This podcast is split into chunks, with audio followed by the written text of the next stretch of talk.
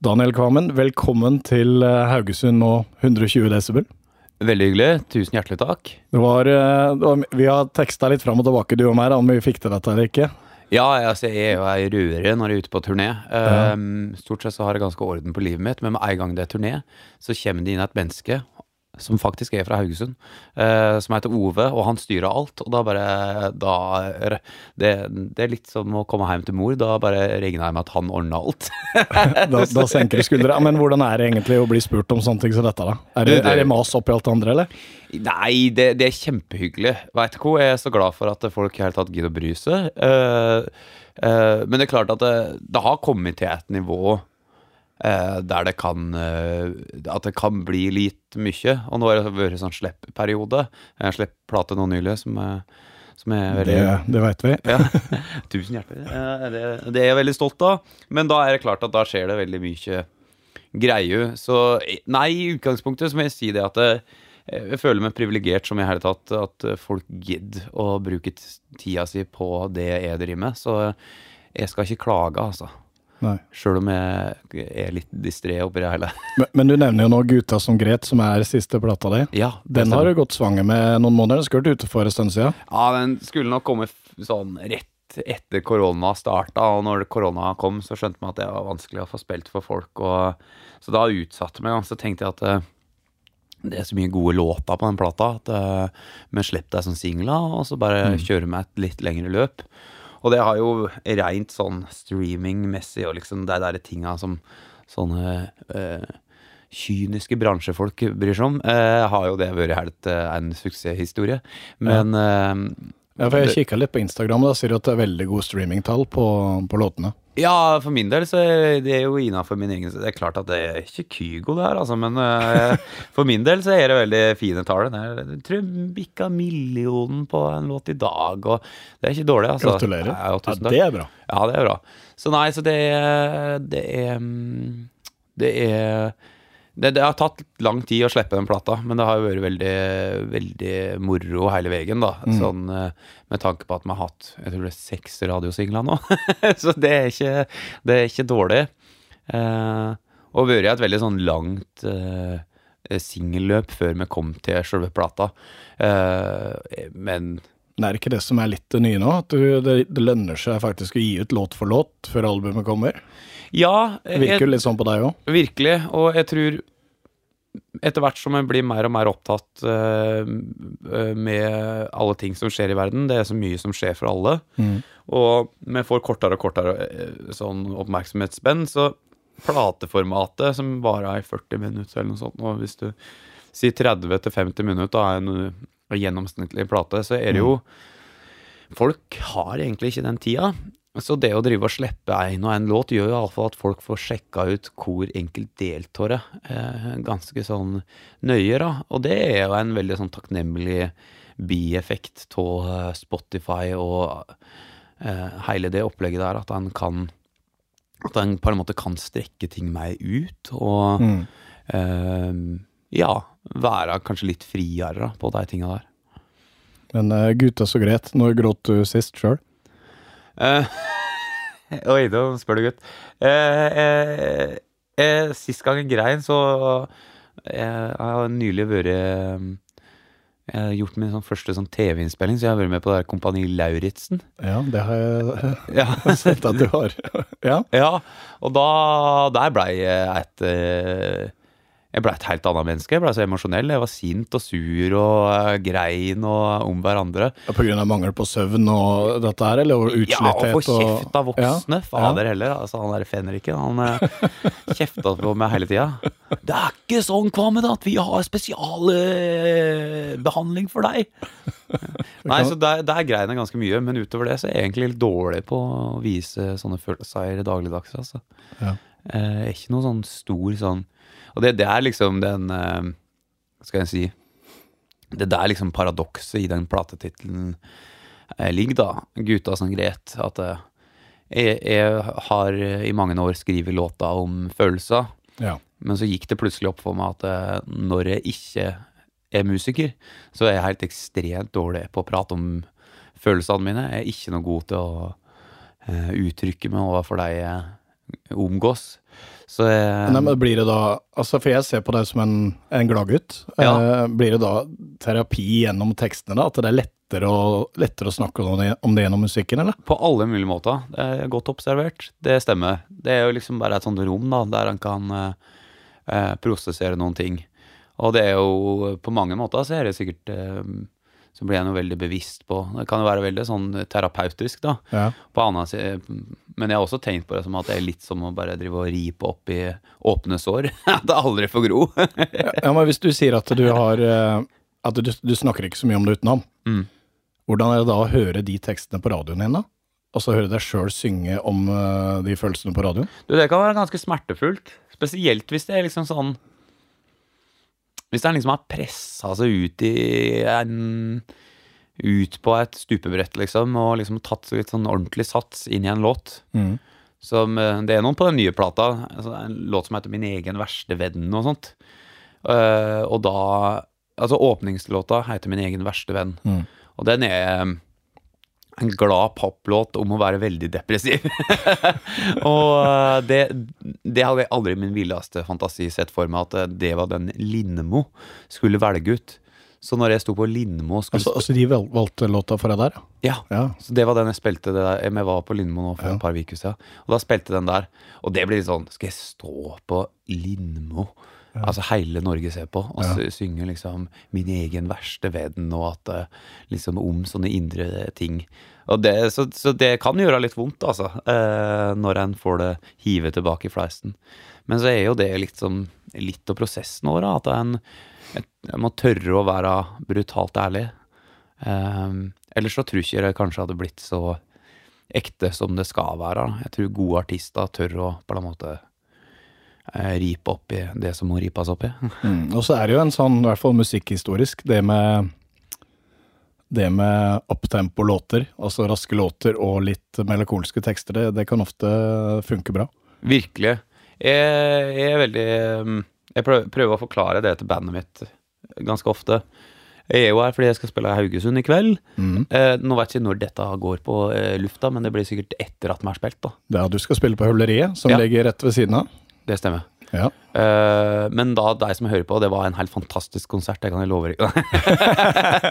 uh, sa han i forkant. Nei, uh, jeg prøver å forklare det til bandet mitt.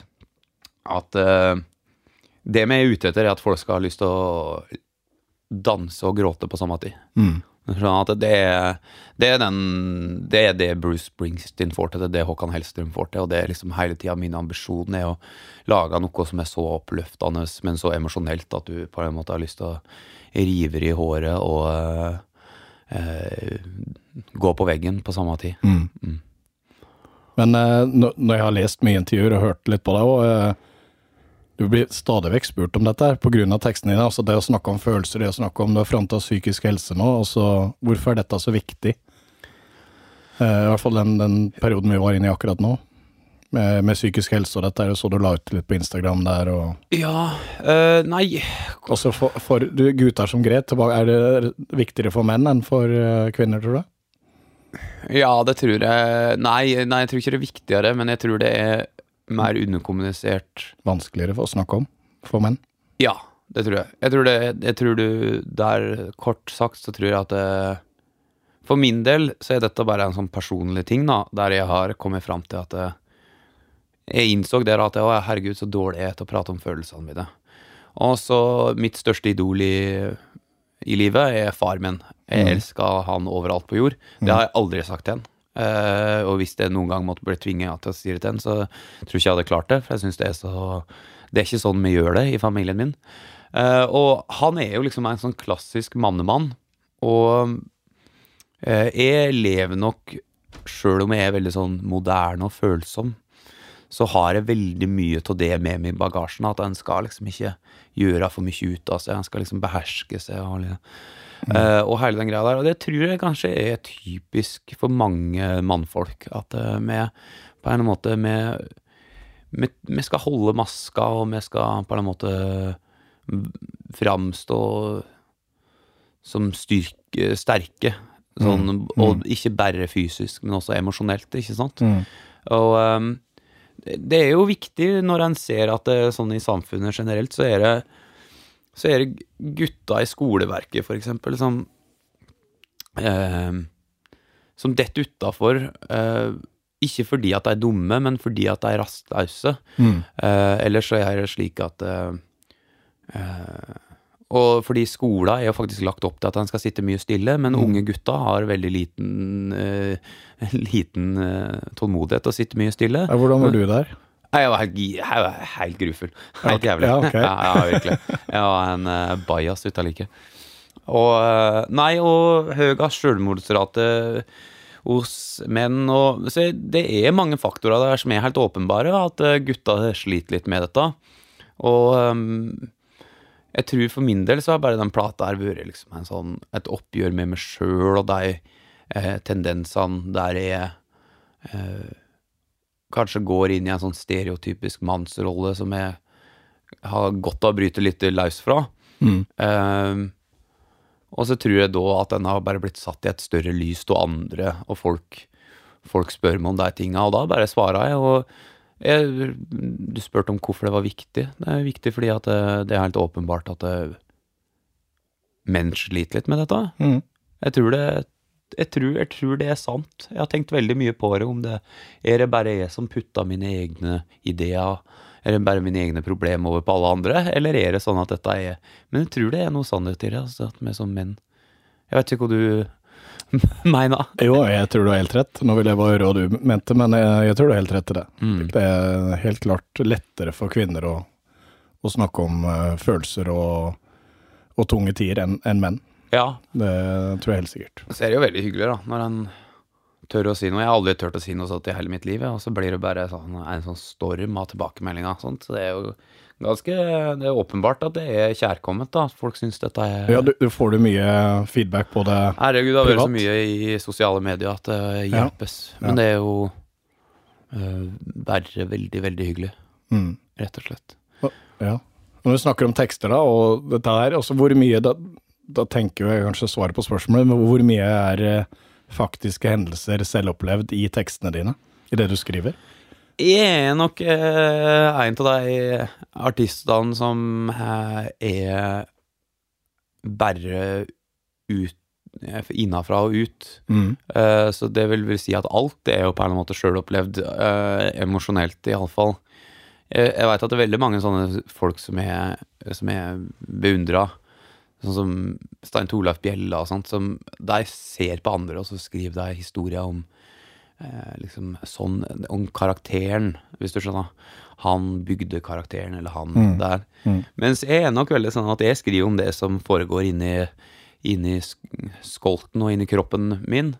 Og det blir jo fort eh, Da tar det litt tid, da, og en må jo på en måte være litt sånn Det kan være litt smertefullt. Mm. For det er litt sånn uh, rive opp i Det er noen uh, prosesser en må ta med seg sjøl når en skal skrive de tekstene.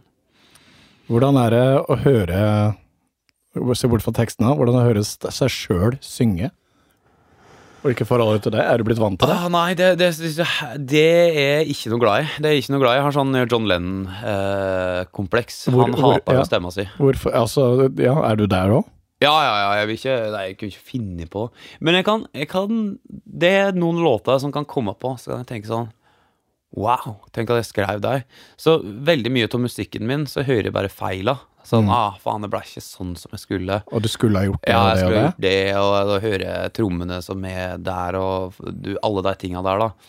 Uh, men så kommer det eksempel noen låter da, som er nede bare Der alt stemte. Mm. Og da kan en bli sånn Da får jeg litt sånn ærefrykt, og da kan jeg bli veldig glad for å uh, at jeg å forhører igjen. Det var noen som spilte Du fortjena for meg her en par dager siden. Eller en låt som Som himmelen revna, som jeg også har skrevet. Det som er um, rart når jeg hører sånne låter, er at en kan tenke sånn Og det er ikke meninga å være høy på meg sjøl, men noen ganger så bare stemmer det, og så tenker du at fy fader, det der blei bare sånn akkurat sånn som det skulle være. Det er helt perfekt. Og det er jo en ganske rå følelse, da. Ja. Ja. Hvordan er den der feelingen der mellom, mellom altså Hvordan balanserer du det mellom det å tvile på det? Vi hadde Tom Hell her i, for en del eh, episoder siden, Ja. og han sa det at når han har lagd en plate, så er det den beste plata i hele verden. Ja. Samtidig så vet jeg at det kan være tvil. altså Hvordan balanserer man de greiene der? Ah, nei, jeg har jo sagt det flere ganger at det, navet i det, for å, og det å være artist for min del er Og det kreative er at jeg har en sånn eh, Jeg har en sånn enorm eh, Jeg har et enormt ego mm. når jeg først setter i gang, og så har jeg like stor sjølforakt eh, innimellom. Så det der går ganske om hverandre. Så innimellom så våkner jeg opp og så tenker jeg sånn Faen, hvorfor er ikke jeg større enn Chirag? og det er liksom sånn Og det kan jeg tenke sånn Faen, hvor Altså, faen, jeg er så jævlig bra. Men så våkna han opp dagen etter, og så tenker jeg sånn Alt er dritt. Fy faen, så dårlig du er, Kvamen. Fy faen, så dårlig du er. Og det der er liksom Den prosessen der er jo det som på en måte driver hele Det er det som skaper får tannhjulet til å gå rundt, liksom. Men eh, det med ei plate, sånn Jeg tror nok eh, han eh, Jeg kjenner jo Thomas litt, han Tom.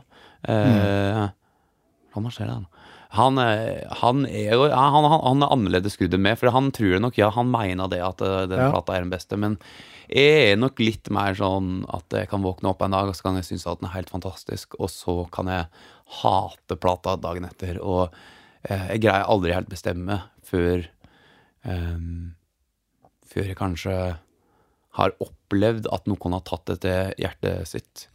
Og for min del, så jeg tror Thomas eh, Han Tom Hell, han har en veldig sånn Han er en av de artistene som på en måte han tror på For han er det nok at bare han sjøl er fornøyd. Men for min del så er det, og det kan jeg være helt ærlig på, at eh, for min del så blir alt dette ekte med en gang det møter et publikum. Og det, det her prata jeg med Joakim Trirom seinest, bare for noen dager siden, for jeg traff ham utafor NRK, han filmskaperen. Ja, ja, ja. Så ble vi stående og prate. Og så snakka vi om det der at det er jo Det er liksom det, har, du, har du hørt det der kinesiske ordtaket sånn Hvis det er tre dette i skogen, eh, og ingen eh, ser det, har det da dette i, liksom Ja, ja, ja. Og det er litt sånn Jeg føler det er sånn med musikk òg, at det er litt sånn Det er samme om jeg liker eller hater det, for det kommer jeg til å gjøre om hverandre, som jeg har forklart nå.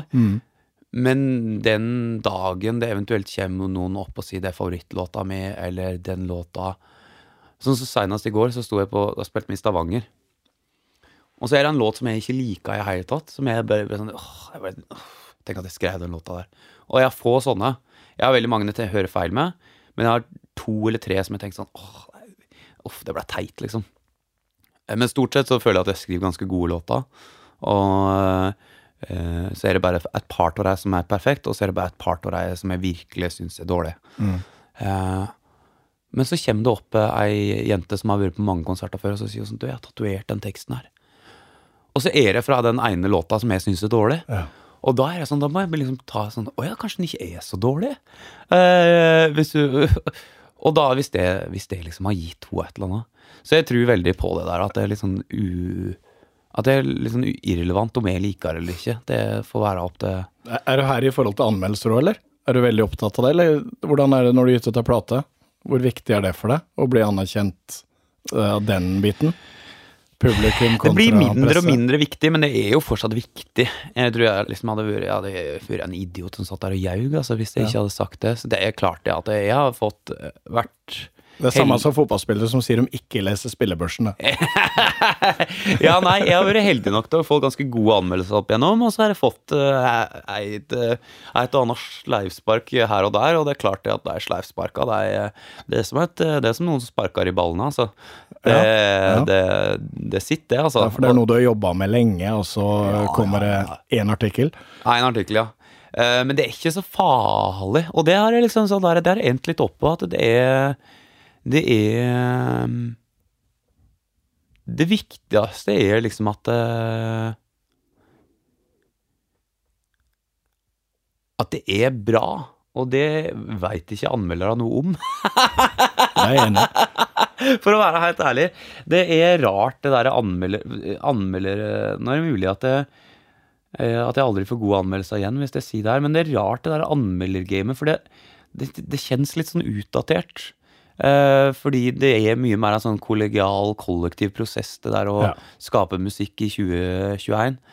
Og um, Sånn som på den plata nå, så fikk jeg liksom femmer i Dagsavisen og femmer i Klassekampen, og så var det en beinhard anmeldelse i VG. Han likte ikke plata, for å si det sånn. Mhm. Og det, det var liksom Da er det jo liksom Men det, men det er én person.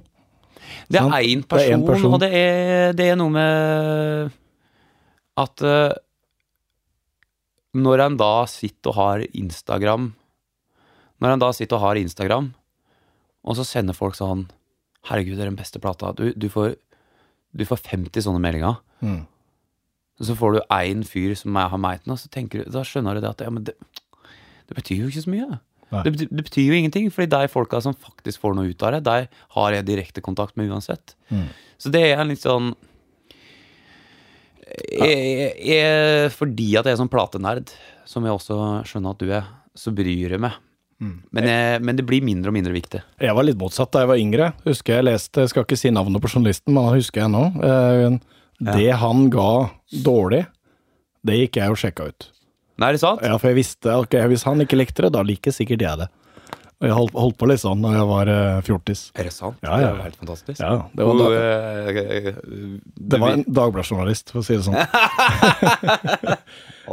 det var det, men jeg har litt, lyst til å, siden vi snakker om dette her, da. Eh, så sto det noe i anmeldelsen i Dagbladet. Eh, han er den norske artisten som skifter oftest eh, fra rett til krøller fra lys til mørkt hår. På samme måte skifter også musikken hans uttrykk. At du er en artist er vanskelig å plassere i bås. Ja. Og det, det har jeg lyst til å høre litt om, for du, du er opptatt også hvordan er det der i forhold til forventninger, eller hva du sjøl har lyst til å gjøre? F- Første plata di mer viseaktig. Nå er det etter hvert bevega deg inn i mer elektro, Elektropop. elektropop. Uh, Hvor viktig er det for deg også å være i bevegelse der musikalsk? på, på alle det, det, det, Svaret er jo det at jeg gjør Jeg beveger meg hele tida, og så Jeg prøver å svare ordentlig på det. Jeg tror nok at det For min del så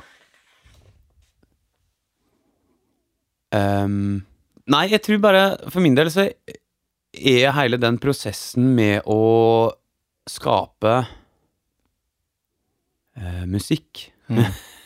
uh, er Den må være så ærlig som mulig. Mm. Så jeg prøver bare å speile det mennesket, eller de følelsene jeg har nå, og det mennesket er nå. Og jeg, om jeg bytta sveis, noe som jeg ville gjort Jeg er jo en utålmodig type, liksom, så jeg, Mm. jeg ville bytta sveis, og så ville jeg kanskje bytta klesstil, eller ville liksom Det skjer jo til tider i mitt liv.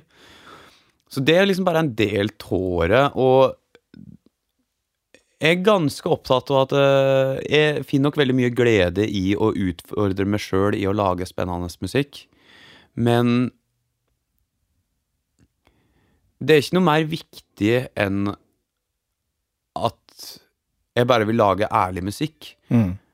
Og jeg tror nok uh, de som eventuelt uh,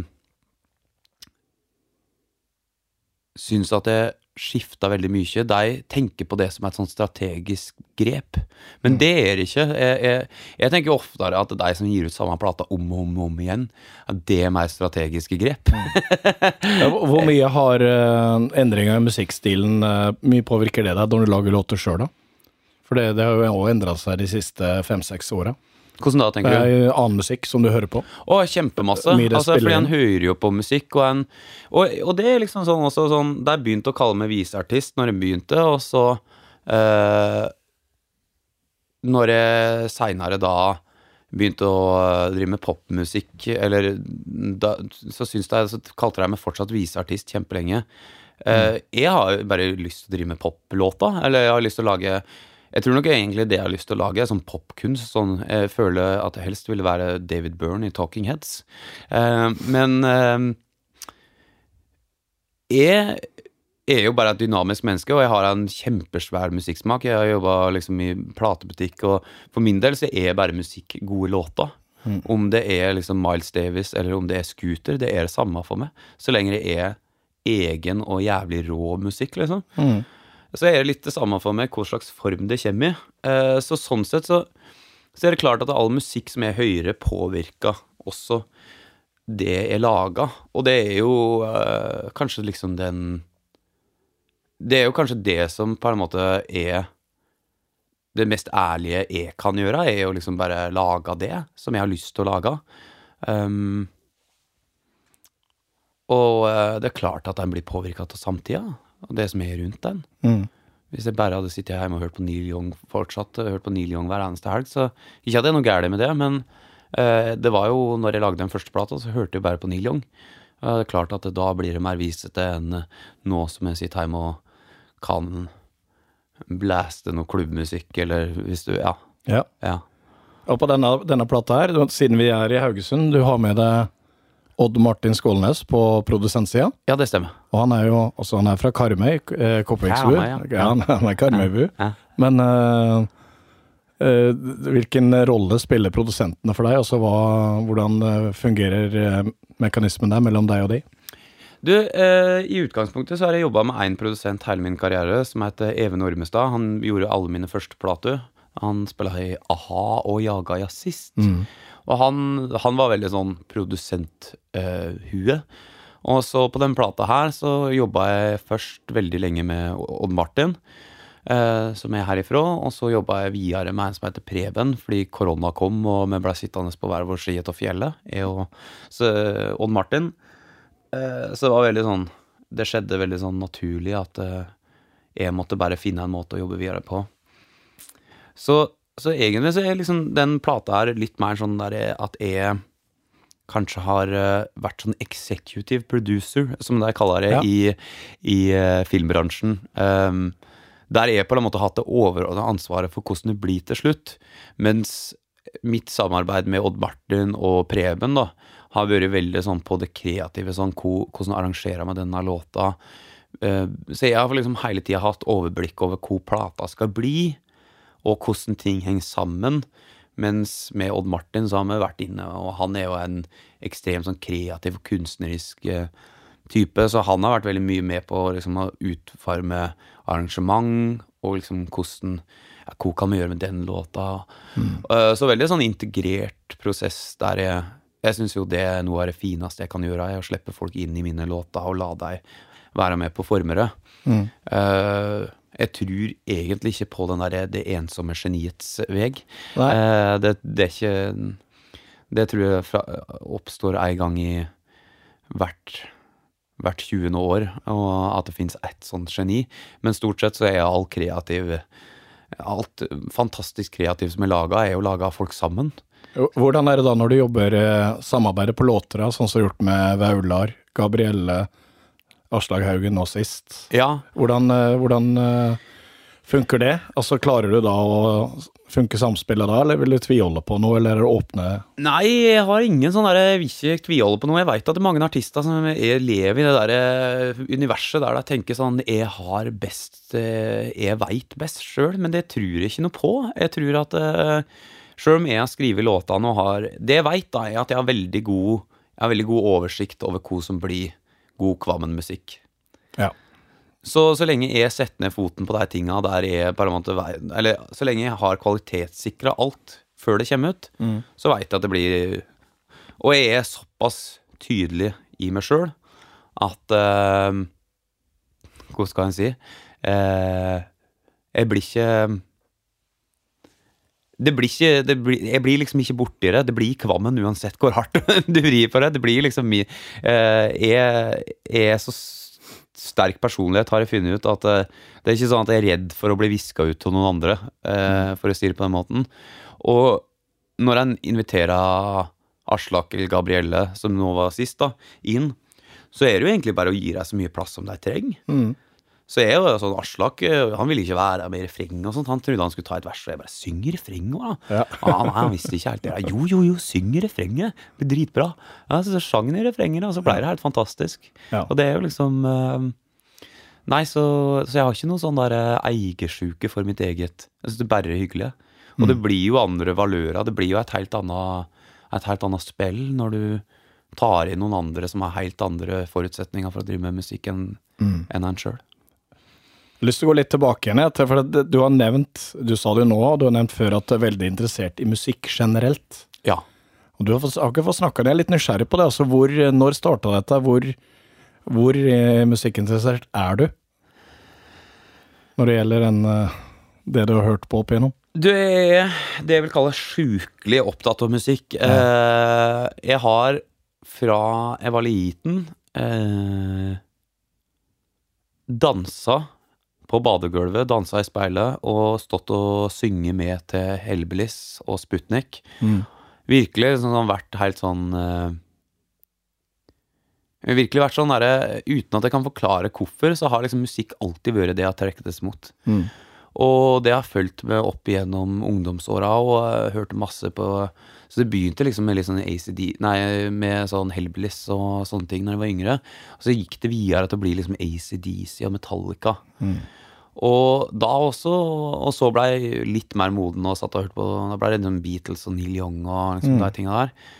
Og jeg satt liksom Jeg kunne sitte time etter time på Wikipedia når jeg var 15 år, og bare lese om disse David Bowie og liksom alt de liksom hadde gjort, og jeg syntes det var så fascinerende. Så jeg har en eller annen sånn ubeskrivelig tiltrekning mot alt som har med musikk å gjøre. Jeg tror det handla om at det bare gir meg en eller annen sånn ekstremt sånn emosjonell følelse hver gang jeg hører på musikk. Og det er litt det samme om det er en metal-låt, eller om det er en god poplåt, eller om det er noe jazz, eller Jeg, jeg, jeg syns bare musikk liksom, det romma så mye emosjonell energi som jeg syns det er veldig fett å Eller jeg bare får veldig mye ut av å tune meg inn på det. Og så tror jeg nok også at eh, jeg liksom bare liker hele sånne rockemytologier og sånne, at den artisten var der og gjorde det. og interessert meg for det, så til slutt så endte jo liksom opp eh, i Oslo og begynte på jobb i platebutikk, og da eksploderte det jo helt, for da var det jo alle slags Av platekompani, var det ikke det? Ja, Ja. alle slags indieband, og det var ikke måte på. Men, men satt du deg sjøl inn i Tenkte du at du skulle bli artist sjøl da du var eh, yngre og tenåring, da du hørte på alt dette og levde deg inn i disse rockemytene? Drømte du om det da? Ja, ja, jeg har nok alltid drømt om det, men jeg, jeg spilte i punkband, og da Vi spilte sånn eh, hardbarka punkband eh, som heter Full Halling, eh, i, eh, oppe i Dalane.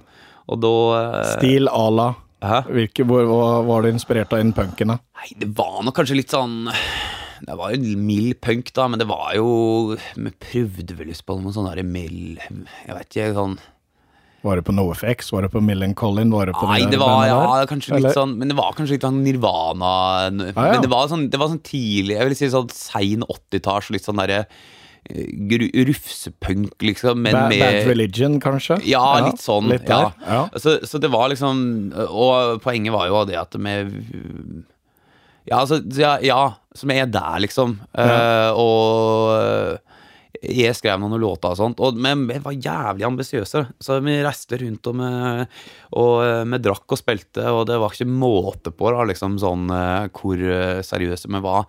Og så gikk jo dette så som så, da. Vi hadde vel eh, sju fans, og fem av dem var damene våre, på en måte. Så det var liksom eh, Det var ikke akkurat sånn at det dro på seg, og vi var på Urørt, og, og så hadde vi liksom en gig eh, Vi begynte når vi var sånn 18-17, Ja. og så hadde vi vel en gig når vi var 21 eller 20 år blitt, og folk hadde begynt å studere og andre plasser, og da var det en gig der en i bandet var veldig full på scenen, og eh, alle gikk av. og Vedkommende hadde ikke plugga i gitaren engang når han skulle spille, og det var jo med, da. og da, da skjønte jeg at dette er spikeren i kista for, eh, for punkkarrieren. Okay. Så da ga det ga jeg rett og slett opp, og etter det så liksom tenkte jeg ikke at jeg skulle drive med musikk, så det var bare Det blei veldig tilfeldig et par år etterpå at jeg liksom havna inn igjen i det, altså. Så jeg hadde ingen sånne ambisjoner om at jeg skulle bli Guttedrømmen er det nok, men jeg trodde jeg har hatt foreldre som alltid har sagt sånn Du, du, du tjener ikke penger på musikk, liksom. Mm. Så jeg har alltid tenkt det at det, det går jo ikke, det, på en måte. Nei, var litt, er litt eh, parallelt til Erlend Ropstad som var her sist. Snakka om, Han begynte jo seint, Ja, fordi at eh, Nei, det, dette er ikke en ordentlig jobb, dette kan jeg ikke drive med. ikke sant? Helt til han fant ut at dette vil jeg. Nå skal jeg prøve på en litt ny ting her, som jeg ikke har eh, gjort før. Hvis du er Oi, med, hvis ja, du, ja, ja, ja, ja. hvis du er med på det? ja Nei, det, det, det, det kommer an på hvor jeg er. Ja, det får vi se, da. Eh, Du har snakka litt om det, men, eh, og jeg er ikke her for å sette deg fast. Men ta en liten quiz og skråstrekk litt stikkord Ja. for å bli kjent med altså, Første skiva til Helbelis, hva heter den?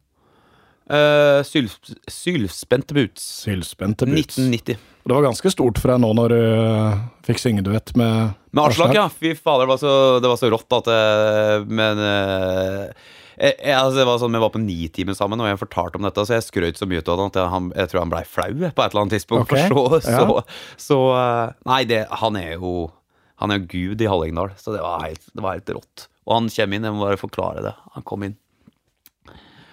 Og så kjenner jeg han jo nå, for vi har jo spilt sammen og sånt. Så, Mm. Ehm, så det var Jeg hadde ikke forberedt meg. Jeg tenkte sånn Gidder han å være med? Det trodde jeg nå ikke, men så sa han ja, og det var jo helt sånn Men så hadde jeg nok tok det ganske sånn lungt. Han kom inn, liksom, og ja, takk for sist, og for, han, har jo, han har jo sett hverandre rundt, liksom. Ja. Men så tok han liksom og så var jeg, Han skulle synge, da. Og så tok han han bare opp da mikken. Og så begynner han sånn Fins ingen sti. Og da bare gikk det sånn kaldt nedover ryggen på meg. For Ja. bare, faen, det er Hellbillies, jo. Og, sånn, og det høres helt teit ut, for du tenker sånn Sjølsagt er det Hellbillies, han er jo Hellbillies, men jeg, jeg hadde bare ikke forberedt meg på at det skulle låte kliss klinkende som Hellbillies. Mm. Og så står han og synger din egen tekst som du har skrevet, og så er det bare sånn Å, fy fader.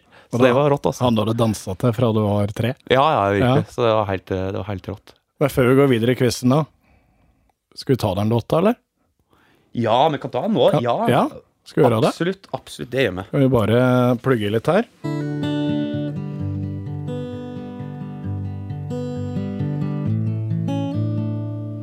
Ok, skal vi ta den? Ja ja, vi går, vi. Okay. Vær så god. Den tyngste turen.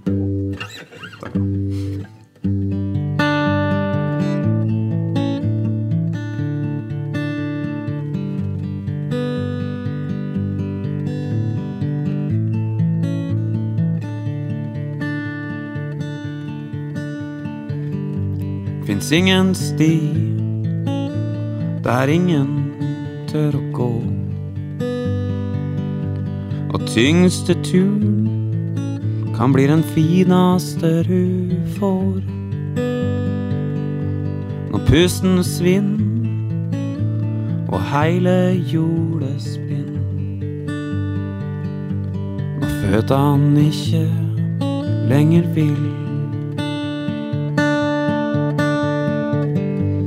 Er mørgon vond og dagen for lang. Er hjarta tomt, og tåren kjem iblant. Er huet fylt av altfor mange valg. Jeg lover, det er ikke sant. Tenk om alt går bra til slutt. At alt ordna seg for slike, slike tullinger som oss. Og tenk om alt skulle ordne seg, at det fins magi et sted der alt er kan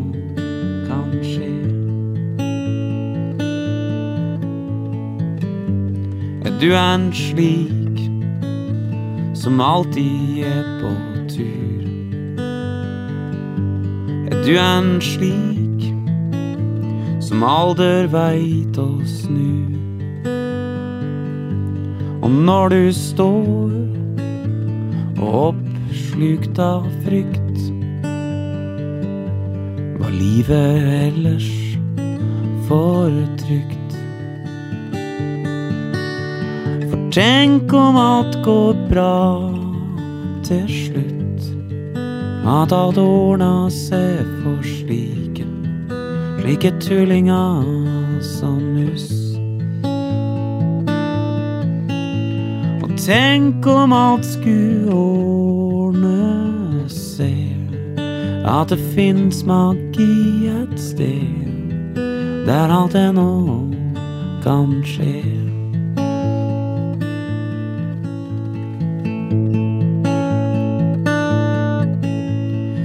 Hvem har sagt at det ikke snur? Ja, hvem har sagt at det ikke snur? Hvem har sagt at det ikke snur? Ja, hvem har sagt at det ikke snur? Hvem har sagt at det ikke snur? Ja, hvem har sagt at det ikke snur? Og hvem har sagt at det ikke snur? Tenk om alt går bra til slutt. At alt ordna seg for slike, slike tullinger som oss. Og hvem har sagt det ikke snur? Ja, jeg lover om du trur at alt ennå kan snu.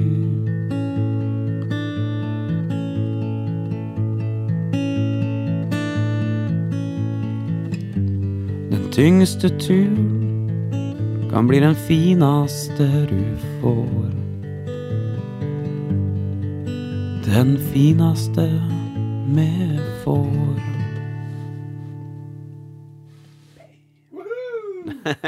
Der har vi den, vet du. Herlig. Og takk. Tusen hjertelig. Jeg må skru opp meg sjøl her òg. Var den uh, tenkt som en duett? Nei, det var egentlig ikke det, altså. Det var, liksom, det var litt på grunn av korona at jeg tenkte sånn Jeg satt og kjeda meg, sånne som bare laga med ideer når jeg, jeg finner meg alltid noe nytt å gjøre hvis det Ja. Så jeg var liksom litt sånn ferdig med ting, og så tenkte jeg fader, eller kan jo Kanskje jeg kunne gjort noe spesielt med den låta, for jeg følte liksom ikke at den hadde hadde ikke, Det var et eller annet som mangla. Jeg tenkte sånn, faen, kanskje jeg skal spørre om Aslak vil synge? Mm. Og det blei jo helt eh, no, Det, det, det ble nå eh, en helt egen verden. Det fungerer veldig bra. Og det fungerte veldig bra nå, syns jeg. Skal vi gå videre i uh, Quizen! Å, fy Ja, skal vi se her. Hvilket band uh, ga ut, eller har gitt ut plata Power Slave? Det er Iron Maiden. uh, og jeg vil tro at det er 1985 eller 6 eller noe sånt. Ja, det er noe sånn 4-5, eh, tenker jeg. Ja. Ja, er det fem. Da er det fem. Det er, ikke, det er ikke fire, for det tror jeg det er en Peace of Mind-plata. Da må vi Eh, google etterpå. Jeg tenkte det var 83, så hadde du eh, jo, kanskje, ja. kanskje det er riktig, faktisk. Ja, Men uh, Maiden, du, det, var, det var litt det du sa ACDC, Metallica, Maiden. Ja, du var der òg? ekstremt glad i Maiden. Fader, Ja. Jeg tror første konserten jeg så, jeg var Maiden i Spektrum. Far min kjørte meg ned, og noen kompiser så reiste meg til Oslo Spektrum. Og de to andre kompisene mine syntes det var så heavy å stå foran der, for da var det Folk var jo klin gærne. Eh, og eh, sto og kunne alle låta når jeg var 13 år eller noe sånt. Nå. Ja. Og de to andre kompisene mine nei, nei, måtte bak, vi kunne ikke stå der, for det var så mye dytting og sånt. Og jeg sa nei, jeg skal stå forrest. Og de gikk fra meg. Og så sto jeg da Den tror jeg jeg var på sjøl. Er det sant? Ja. Og jeg sto helt stille hele konserten og bare glante. Mens alle hoppa rundt meg. Og jeg tenkte sånn Men jeg bare var helt sånn Jeg var helt sånn uh, para, eh, Hva det heter Sånn uh, Ja, paralysert. Ja, sånn uh, hypnose. Og han Janet Gears heiv gitarene rundt ryggen og tenkte sånn Ja. Fy faen, en dag skal jeg kunne det der. Det kan jeg fortsatt ikke, men det skal jeg lære meg. Fader, det hadde jeg glemt. Nei, det var, helt, det var så stor opplevelse. Virkelig. Ja, Are Maiden? Ok. Uh, låta Nu, og prøve meg på svensk, er det vel revolusjon på gang. Ja, det er Bob Hund, ja. Det er Bob Hund. Ja. eh, Et av mine virkelig store musikalske ideal. Ja, fordi Fordi Ja. eh, Nei, han er som tekstforfatter, så han er på en måte Alt det idealiserer jeg tekstforfatter. Han er både smart og spissfindig og merkelig og, og alt på samme tid. Mm. Så han Thomas Øberget som skriver tekstene i Bob Hund, han Og det, det kan på en måte eksplodere, og så kan han være kjempe Kjempeettertenksom, og han er på en måte en litt sånn egen verden av finurligheter. Mm. Eh, og eh, Det er ikke lenge siden de spilte her i Haugesund, på no den festivalen i Vangen, faktisk. er det sant? Ja. Nei, de, de er jæklig rå. Altså. Han er Jeg ville anbefalt alle å sjekke ut en låt som heter Det overeksponerede hjemstellet. Mm. Fra eh, Det er vel begynner å bli ganske mange år siden nå, men det er sånn, det er sånn ganske sein Bob-hund. Mm. Det er sånn 2000-talls Bob-hund. Og da er han bare Han er på sitt råeste som tekstforfatter. Og han eh, Og så er det en enda seinere, kanskje. 'Blomster på brinnende fartyg'. Den Ja, jeg ja, godt. den er den, er, den er fin. Den er kjempefin. Ja. Um, Men altså, det, det svenske altså Du hadde et spørsmål her om, eh, men, om eh, Håkan Hellstrøm. Det blir for lett. Vi er inne i platebunka di her nå. Eh, det kommer jo an på hva spørsmålet er. Men ja, ja, svarer nå- gledelig. ja da, men altså, da, du, du har helt litt til Sverige, du òg, som mange andre. Ja, og det er, nei, jeg veit ikke, det, det er en sånn Det er en det er en oppriktighet, da. Eller det er en Og det syns jeg kanskje vi som nordmenn kan være litt sånn Vi er litt skremt for det der i Norge, og det tror jeg det er innimellom folk syns det er litt sånn Faen, er det han der Kvammen driver med? Men det å tørre å være lidenskapelig oppriktig, det er jeg gode på i Sverige. Eh, Og det syns jeg kanskje at eh, jeg er veldig glad i det, da. At det er liksom sånn Det er ikke så farlig å si Det er ikke noe sånn skam i å si sånn Faen, jeg elsker deg så mye at jeg hater meg, liksom. Hvis du skjønner? Det er alle de tinga der som bare er så drøye, drøye og svulstige.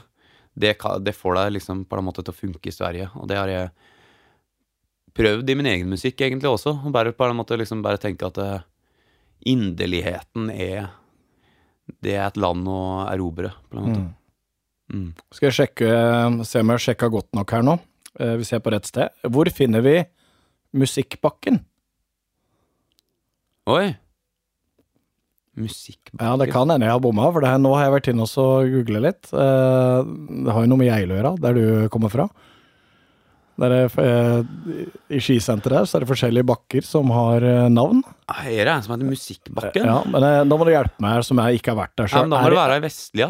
Ja, det er, er det flere, det er flere senter der, ikke Ja, sant? og, men det kan godt hende det har kommet noe som heter Musikkbakken etter Ja. at jeg flytta fra Geilo. Fordi Vestlia er fra andre sida, så er fra liksom er fra OG Geilo, old school eh, Geilo, ja. Som er liksom Hafsdalen og sånt, og der er ting sånn som det alltid har vært. Og Ja. eh, det er der de originale eh, skibakkene var. Ja. Og så er det bygd ut på Vestlia, og det har blitt veldig svært de siste åra.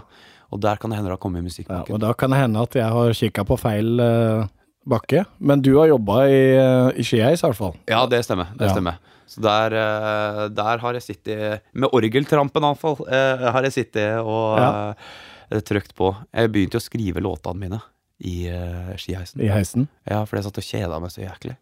Det er helt sant. Jeg kjeda meg så enormt. Jeg, det var start og stopp, og jeg syntes det var litt sånn faggiparadis, for en så bare på alle som koste seg. Og begynte å ta med gitaren, og jeg fikk altså så kjeft av sjefene mine. Å ja, fordi du eh, satt og jeg gjorde jo ikke jobben min, da. Jeg Nei. skulle jo på en måte passe på. Det gjorde jeg ikke. Men Hvis, det noen, var hvis noen falt av heisen og sånne ting? Hæ? Ja, hvis noen, noen falt av heisen Ja, og ja, sånne ja, ting? ja. Til og med Krompen datt av en gang. Han var sto på ski ja. der. Ja, ja. Så jeg satt og spilte gitar. så ikke Nei, men så det er faktisk sånn førsteplata Mye av materialet på førsteplata er derifra. Mm. Så det er ganske Så jeg er glad for den skiheisen, altså. Ja. Ja. Sjøl om jeg hadde sjekka feil sted på i dag? Nei, du har sikkert helt riktig. Det er jo bare jeg som det, Min første feil gikk på heimplassen. Ja. Nei, det er ikke sikkert det. Eh, stikkord. Dr. Holms. Er det Da er vi på Geilo. Da er vi på Ja, virkelig. after, afterski, er vi ikke Ja, det? afterski og altså, Av en eller annen merkelig grunn så ser jeg for meg Odd Nordstoga når du sier Dr. Holmes på okay. afterski. Ja, så Odd har en tendens til å møte opp på det afterski- afterskiet på Dr. Holmes. Men han har øh, kjerringa hans er fra Geilo, så jeg har truffet ham flere ganger der. Ja. Eh, nei, det er jo, øh, det er jo sjølveste afterskien, det, da. ja. Rett og slett. Har det vært det mye? Eller er det for turistene? På alle mulige måter. På alle mulige måter, Ja, ja. Nei, der er det mye, ja. Ja. Fy fader. Og der er jo ofte sånne flott coverband som spiller DumDum Boys, og det er en god stemning der, altså. Det er det taket? Ja. øh, Den låta som heter 'Men dansa ikke for moro skyld', er basert på et sånt afterski-scenario. Ok, Ja. der.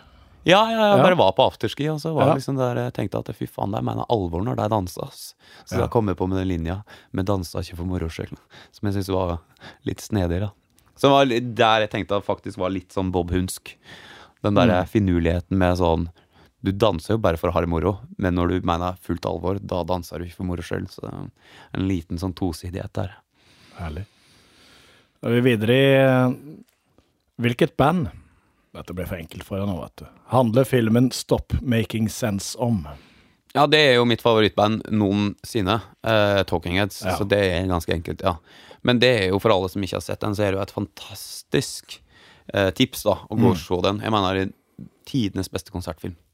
Det er altså så rått. Hva er det som er, er så bra med Talking Heads for deg?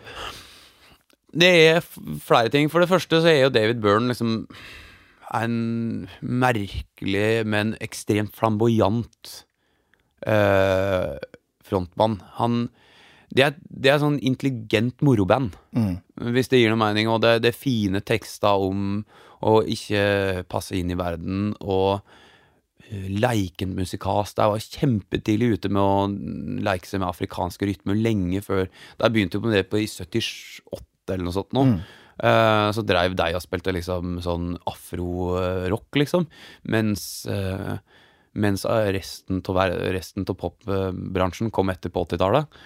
Og Nei, sånn utrolig sånn kunstnerisk rått prosjekt. Han er bare Han er kunstner, De liksom. gikk jo på kunstlinja, veldig mange av disse her, i Talking Heads, jo der de møttes, var det ikke det? Ja, ikke sant? Ja, og han er, han er kunstner, og han, alt han gjør, er liksom sånn Det er så konseptuelt, og det er så flott. Så det er liksom Det er sånn estetisk Det er et sånn, band som alltid har tenkt estetisk. Det har alltid sett jævla kule ut. Og så spiller de interessant musikk. De spiller og gode, gode låter.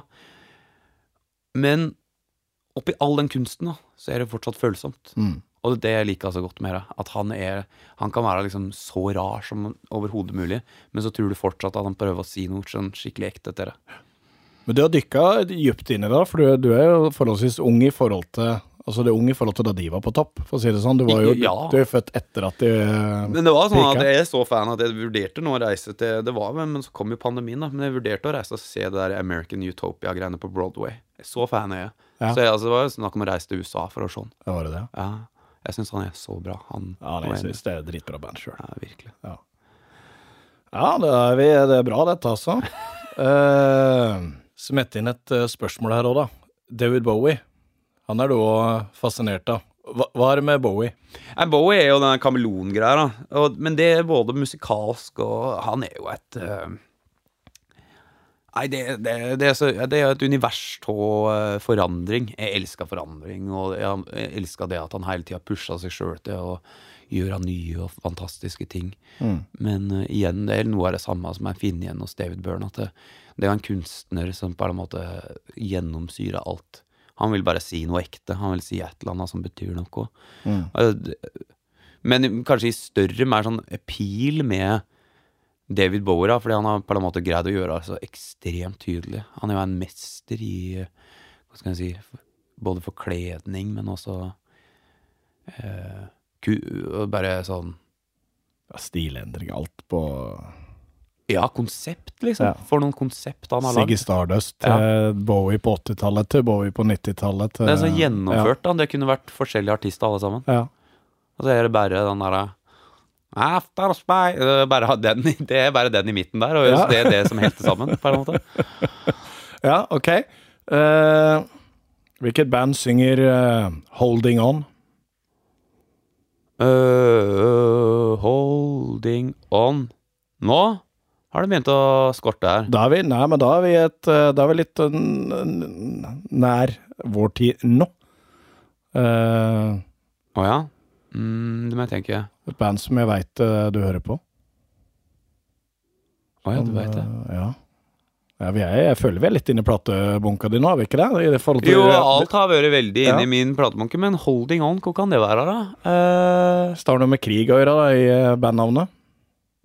Å ja, ja, sjølsagt. Det er jo den uh, Det er War on Drugs, ja. Ja. Med den um, det, er eh, det er den som starta med en sånn syntarpeggio. Yes. Ja, ja, ja.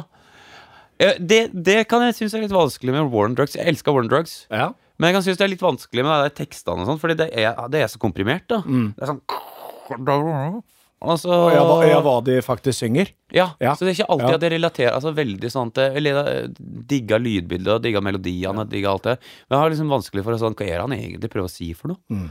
Han er jo mye mer anonym enn de andre vi har prata om, så der syns jeg bare det er jævlig kult med sånn Bruce Springsteen-aktig Tom Petty 2001-versjon, på en måte. Ja, ja. Men er det et band du har blitt uh, influert av sånn musikalsk i forhold til Ja, vi prata ganske mye om det i studio, men det, det er nok kanskje litt sånn at det, det er så gitardrevent. Og så Altså, vi prata mer om det enn jeg føler at vi ender opp med å prøve å låte som det. Mm. Det er litt sånn, Ja, det har vært fett med sånn Warren Drugs, men det er såpass classic rock. Han er, det er noe med Warren Drugs som er så fingerspissaktig. Sånn, det er vanskelig å gjengi det uten å bare høres ut som en dårligere versjon av det. Ja. Uh, så det er litt sånn Det er ikke Det er mye inspirasjon i Warren Drugs, men det han er jo liksom på en måte også bare det blir ofte til at han heller refererer til Springsteen, hvis du skjønner, i Mm. studio, fordi han, han er så referansetung, da. Han, Ja. eh, Nå husker jeg ikke hva han heter, han sjefen sjøl i Warren Drugs. Nei, men, han ikke er så, heller. Så det, men han er så referansetung sjøl, så det blir ofte sånn Ja, litt sånn som Warren Drugs eller Bruce Springsteen. Ja. Og så begynner han å prate om Ja, den Springsteen-låta, eller i den Tom Petty-låta. Ja. Men absolutt, vi prata masse om henne, altså. men vi har vært litt inni eh, Det høres, veldig ut som, det, det høres veldig ut som det jeg hører på, ja. Ja. Det eneste som mangler, er vel Kanye og Frank Ocean. Det er de liksom mer sånn Av de, ny, av de nyere. Ja, det er hiphop-greiene mine. Det, Ja, ja, du er der òg. ja, ja, Ja, virkelig. Hører masse på den. Hører mye på den nye Kanye-plata. Den liker jeg veldig godt. Men du, du kom eh, hit inn i studio fra Rockefeller og via Stavanger og spilt der. Ja. Hvordan er det å spille for folk som kan røre på seg igjen? Det er helt fantastisk. Det er så rått. Herregud, det var Rockefeller og Stavanger i går, og det var Det er stort, altså. Det er stort. Det har jo vært nå så, Og så merka en det at det er liksom sånn når han går inn, så er folk sånn usikre på hva er dette for noe. Og så sakte, men sikkert så får han liksom dratt det i gang, og så er det en fest når det slutta, og det har det vært begge kveldene. Så det er litt sånn eh, Jeg føler at det er med på en sånn religiøs gjenoppvåkning. Ja, men jeg Ser en forskjell her på at folk er litt mer nerdene nå enn de var før korona, eller er det bare nordmenn? Ja, når det starta, Ja. helt oppriktig, så, Ja. så er det veldig mange som kommer bort nå. Så den første konserten jeg har vært på etter korona. Ja. Og så er det sånn Ja, men du har jo vært åpen til to uker. Eh, Her har du ikke gått Hva ikke det første du gjorde, var å gå på konsert? Nei, så det er Jo, virkelig. Men det, det løsna seg opp. Jeg jobba ganske hardt for at det skal løsne seg opp, da. Ja. Jeg er på låt tre, så jeg er ute og spør om de ikke kan synge for meg og sånt. Så da er det ja. Men eh, når, du har vært på en eh, Altså, nå er det jo akkurat begynt, da, men sånn tidligere når du har vært på disse turneene, så kommer hjem, og det er helt stille. mm. Blir du rastløs da? Virkelig. Men nå er jeg ikke så redd for det den, der, eh, den eh, høsten her, for nå er det Det skjer så mye, men det blir jo veldig sånn Det blir et vakuum, da. Ja. Det er jo det som er Det er sånn turnéboble, ja. Ja. Så det Men det er jo også det vakreste en gjør da, liksom. Reiser reise rundt med gutta og blir bli helt sånn Det er en ganske sånn unik greie. altså Jeg kjenner veldig på det nå når vi sitter i bilen og vi hører på musikk og tuller og fjaser. Og det blir sånne internjokes. Det eneste vi tuller med nå, er den Kastanjemann Kastanjemann-serien som går på Netflix. Ja, ja, ja. Og det er bare sånn Folk kommuniserer i bare sånn Ja, det var en god kastanje. Det var en god kastanje. Og det er så dårlig humor. Det er så dårlig humor, Men sånn blir det på turné. ja den har jeg ikke begynt å se på, men den nei. ja. Ja. Nei, nei, så det, det er veldig sånn Det er veldig sånn altoppslukende når han er inne der, altså. Virkelig. Du nevnte jo litt da du kom her i, inn i studio i dag, eh, at du har mye armer og bein. Og så har jeg fra på pålitelige kilder Ja. at når du kommer hjem etter en turné, så er du, du er rotete, men du er likevel glad i struktur. Forklar meg om det er Jøss, hvor har du motsetningsfor... hørt det er veldig riktig, men hvem er det som sier det? Ja, det kan du jo gjette. Det er jo noen du bor sammen med? Har du, har du gjort research hjemme? Ja, selvsagt. Eh, Jøss, er det sant? Ja, nei, altså, jeg er ganske Jeg er ganske Jeg er ganske Jeg er ganske opptatt av struktur, men det er sånn der tillært. Fordi jeg har funnet ut at for at jeg skal få ting gjort i verden, er jeg så Jeg er så liksom sånn lite orga organisert i huet mitt, da. Og det er jo en av grunnene til at jeg driver med kreative ting, er jo fordi at jeg tenker i alle retninger hele tida. Men det å liksom organisere ting, det har jeg lært meg sakte, men sikkert over tid. Så jeg blir nok jeg ganske sånn Jeg, jeg får litt sånn spasme hvis det ikke er system i ting. For da føler jeg liksom ikke at eh, At At jeg er, noe, jeg er redd for at ting skal rakne, liksom. Hvis det ikke er system i ting. Ja. Så, så jeg er tillært. Men ikke sånn Jeg er på en måte ikke er ikke skapt for struktur. Så du må tvinge deg til det. Ja, ja virkelig. virkelig. Ja, ja det ble fortalt til at når det, hvis, hvis det skal være gjester, da, Ja. og det skal ryddes, da sorterer du sokkene dine. Da, Ja. da, da gjøres det. Ja, ja, ja, virkelig. Det er helt sinnssvakt å prate med hun hjemme. Det er jo veldig hyggelig. Ja, det Nå er jeg redd for hva hun har sagt, det. Nei, nei, nei, det er sport her Det er bare snille ting. Ja, ja, ok. Ja, her er det. Eh, og så er du Du er ikke så opptatt av altså dette rampelyset utenom når du står på scenen? Altså, hvem, hvem henger du med utenom? Og, Nei, venner det, og det er faktisk ganske, faktisk ganske sant, og det er Ja. jo En ville kanskje ikke trodd det, fordi mange opplever nok meg som ganske sånn øh, Jeg gjør mye ut av meg på scenen, og liksom jeg Jeg stiller gjerne opp i all slags intervju. Jeg har liksom ingenting å på en måte ikke Altså, jeg prater, jeg, bare Jeg stiller opp. Uh, så jeg tror nok kanskje noen kan tenke sånn Å, fy faen, han elsker alt som har med uh, sånne ting å gjøre. Fordi jeg såpass byr så mye på meg sjøl. Men jeg har sånn jæklig lite interesse av sånn kjendiser og sånt. Eh, Når jeg ikke driver med det sjøl. Mm. Det er jæ jævla mye narsissister i den der kjeden. Nå er jeg veldig ærlig her. Det, nei, men det er litt Ja, ja. sant. For det er det, Jeg veit ikke. Jeg, jeg vil bare være med mine venner. Som jeg, og jeg har vel ganske få sånne nære venner. Men de er jeg jæklig glad i. Og de henger masse med. ja. Uh, og så har jeg, jeg tror jeg er såpass hyggelig at jeg har ekstremt mange bekjente. Så jeg har liksom en veldig sånn stor krets. Det er vanskelig for meg å gå ned ei gate på, Os- i Oslo uten å si hei. Mm. Og det er jo ikke noe sånn her at jeg misliker folk, eller noe sånt, men jeg, jeg, kan bli, jeg kan bli litt sånn matt av litt sånn tomme relasjoner. Det Mm. gidder jeg ikke. Nei. Og veldig mye av den der kjendisverdenen som handla jo liksom om å bare stå og liksom tjate hverandre opp, liksom. Og det gidder jeg ikke. Jeg gidder ikke stå sånn derre Herregud, så fantastisk du er. Nei, du er fantastisk, du. Er du er fantastisk? Hvis jeg faktisk mener at du er fantastisk, så skal jeg gjerne si det, men jeg gidder ikke bare stå og komme med sånne tomme floskler, liksom. Nei. Så det jeg tror jeg er grunnen til at jeg ikke har så mye sånn kjendisvenner eller sånn derre artist... eh, Eller jeg har jo masse folk i sånn kollegaer, da. Men det er jo når vi er på jobb. Da prater jeg med musikk, liksom. Mm. Men jeg, har, jeg, det, jeg må jo si det at jeg, jeg har jo ganske mye musikkvenner. Uh, men ofte så er det liksom de der liksom hardbarka låtskriverne. Det det er sånn fagkompiser, liksom. Jeg blir ofte liksom venn med nerdene. Mm. Og uh, ofte liksom venn med produsenten istedenfor popstjerna, på en måte. Uh, og det tror nok det handler om at det er en sånn dedikasjon til faget og Ja.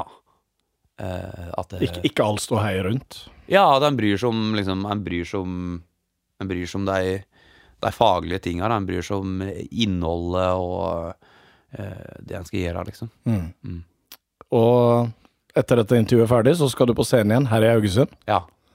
Det, det skal jeg. Høvleriet, har, du- har du spilt her her før? Ja, jeg sa det i stad. Vi kom inn på høvleriet, så sa jeg fader, jeg husker vi var her for mange herrens år siden. Ja.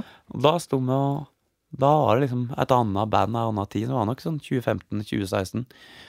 Og det var en veldig stor opplevelse, altså. ja. Jeg husker at det var veldig hyggelig. Men det, det, det er ganske sånn glad her uh, i Haugesund, føler jeg. Drikk med begge hendene og La meg stemme. Når det først går ut, så Ja. er det her det er taket. Ja. Ja. Nei, så jeg husker det som veldig sånn at det var en sånn jævlig jovis kveld, liksom. Så jeg ser egentlig fram til det. Det blir som på Dr. Holms. Ja. ja, det er en ganske god sammenligning.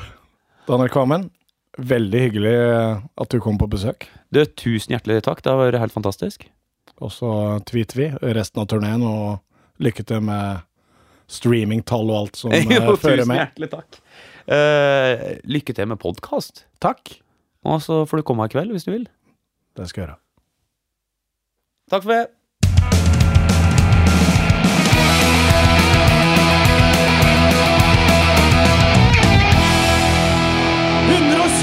Desibel.